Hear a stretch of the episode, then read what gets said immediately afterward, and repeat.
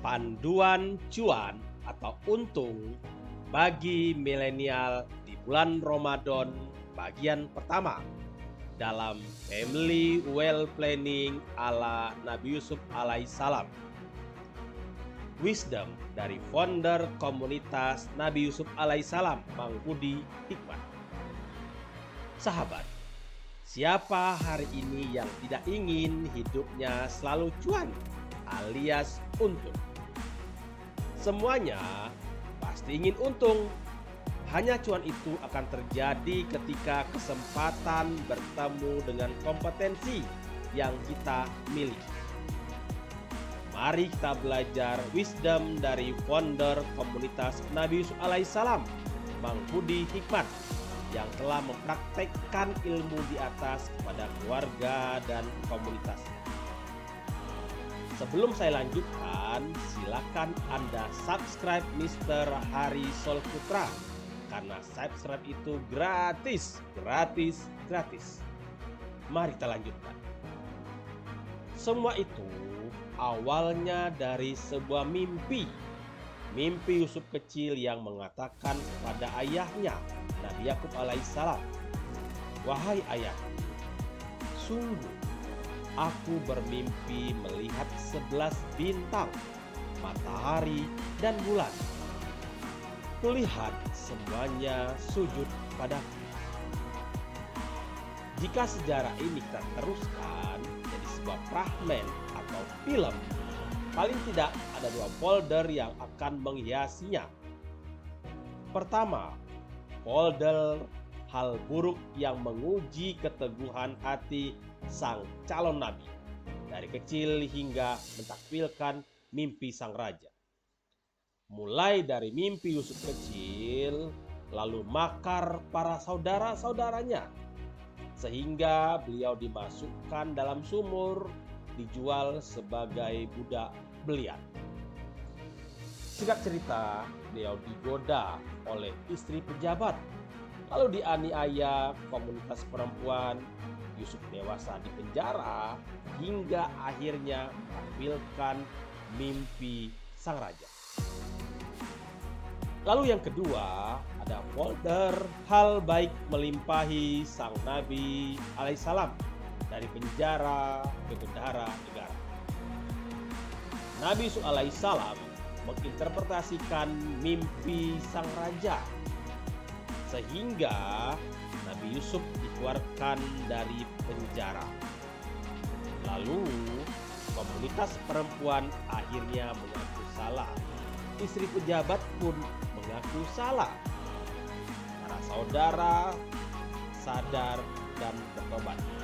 Endingnya, mimpi Nabi Yusuf alaihissalam terpenuhi seperti waktu beliau kecil.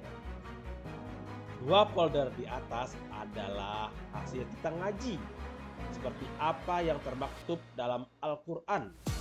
Ngaji saja belum cukup, perlu dilanjutkan dengan kaji dan akhirnya diuji apakah bisa dipraktekkan dalam kehidupan sehari-hari.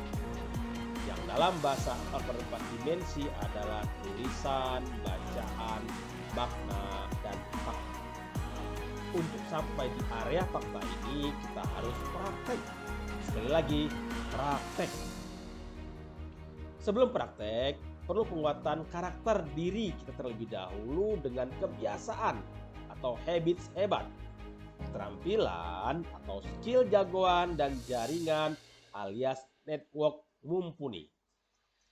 Paling tidak ada empat landasan yang kita bisa angkat dari sejarah Nabi Yusuf alaihissalam di atas sebagai investasi terbaik yakni investasi diri kita terlebih dahulu pay yourself dengan apa Mari kita simak sembari meminum air nabis rendaman dari kurma yang hangat-hangat.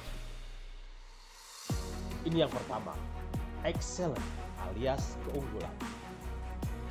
Salah satu parameter seseorang disebut excellent adalah kompeten di bidangnya. Bukan sekedar gelar ijazah atau sertifikat, tetapi lebih kepada praktek dan keilmuannya tersebut. ibarat seorang dokter atau psikolog yang sudah masteri terkait keilmuannya, bukan sekedar hafal teori.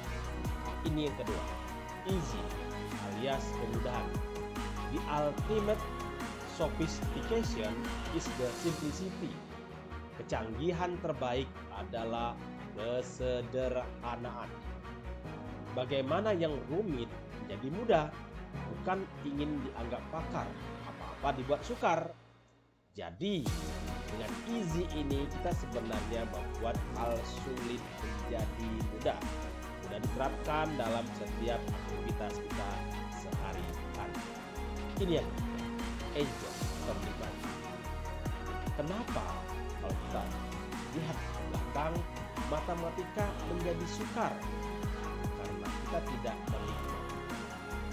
Coba kita bertanya pada para investor yang hampir setiap hari, setiap bulan mendapatkan cuan dari hasil investasinya. Tentunya akan bilang menikmati setiap proses dari investasinya. Tanpa adanya rasa enjoy, itu sebatas kompetensi. Padahal di setiap aktivitas kehidupan investasi kita harus selalu dinikmati. Apakah hari ini kita resesi, depresi, atau recovery? Itu semuanya harus dinikmati. Ini yang terakhir, earn atau pendapatan ujung dari investasi adalah mendapatkan hasil atau pendapatan. Jadi, jika kita tidak mendapatkan earning, itu berarti sekedar hobi.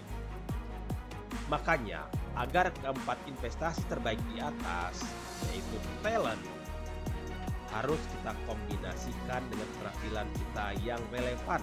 Misalnya, seni, olahraga, interaksi sosial, melek keuangan atau financial literacy, konsep ahli dan bagaimana caranya. Ini adalah bagian utama dari panduan cuan bagi milenial di bulan Ramadan. Saya Hari Sol Putra, Managing Director Wellflow 19 Teknologi, founder Doi Daya Optimasi Institute, motivator keuangan Indonesia. Terima kasih sahabat sudah menyaksikan video dan audio ini. Jika Anda setuju dengan pesan-pesan ini, silakan Anda subscribe Mr. Hari Sol Putra. Anda like, Anda komen, dan Anda share kepada seluruh jaringan keluarga dan kolega Anda. Terima kasih.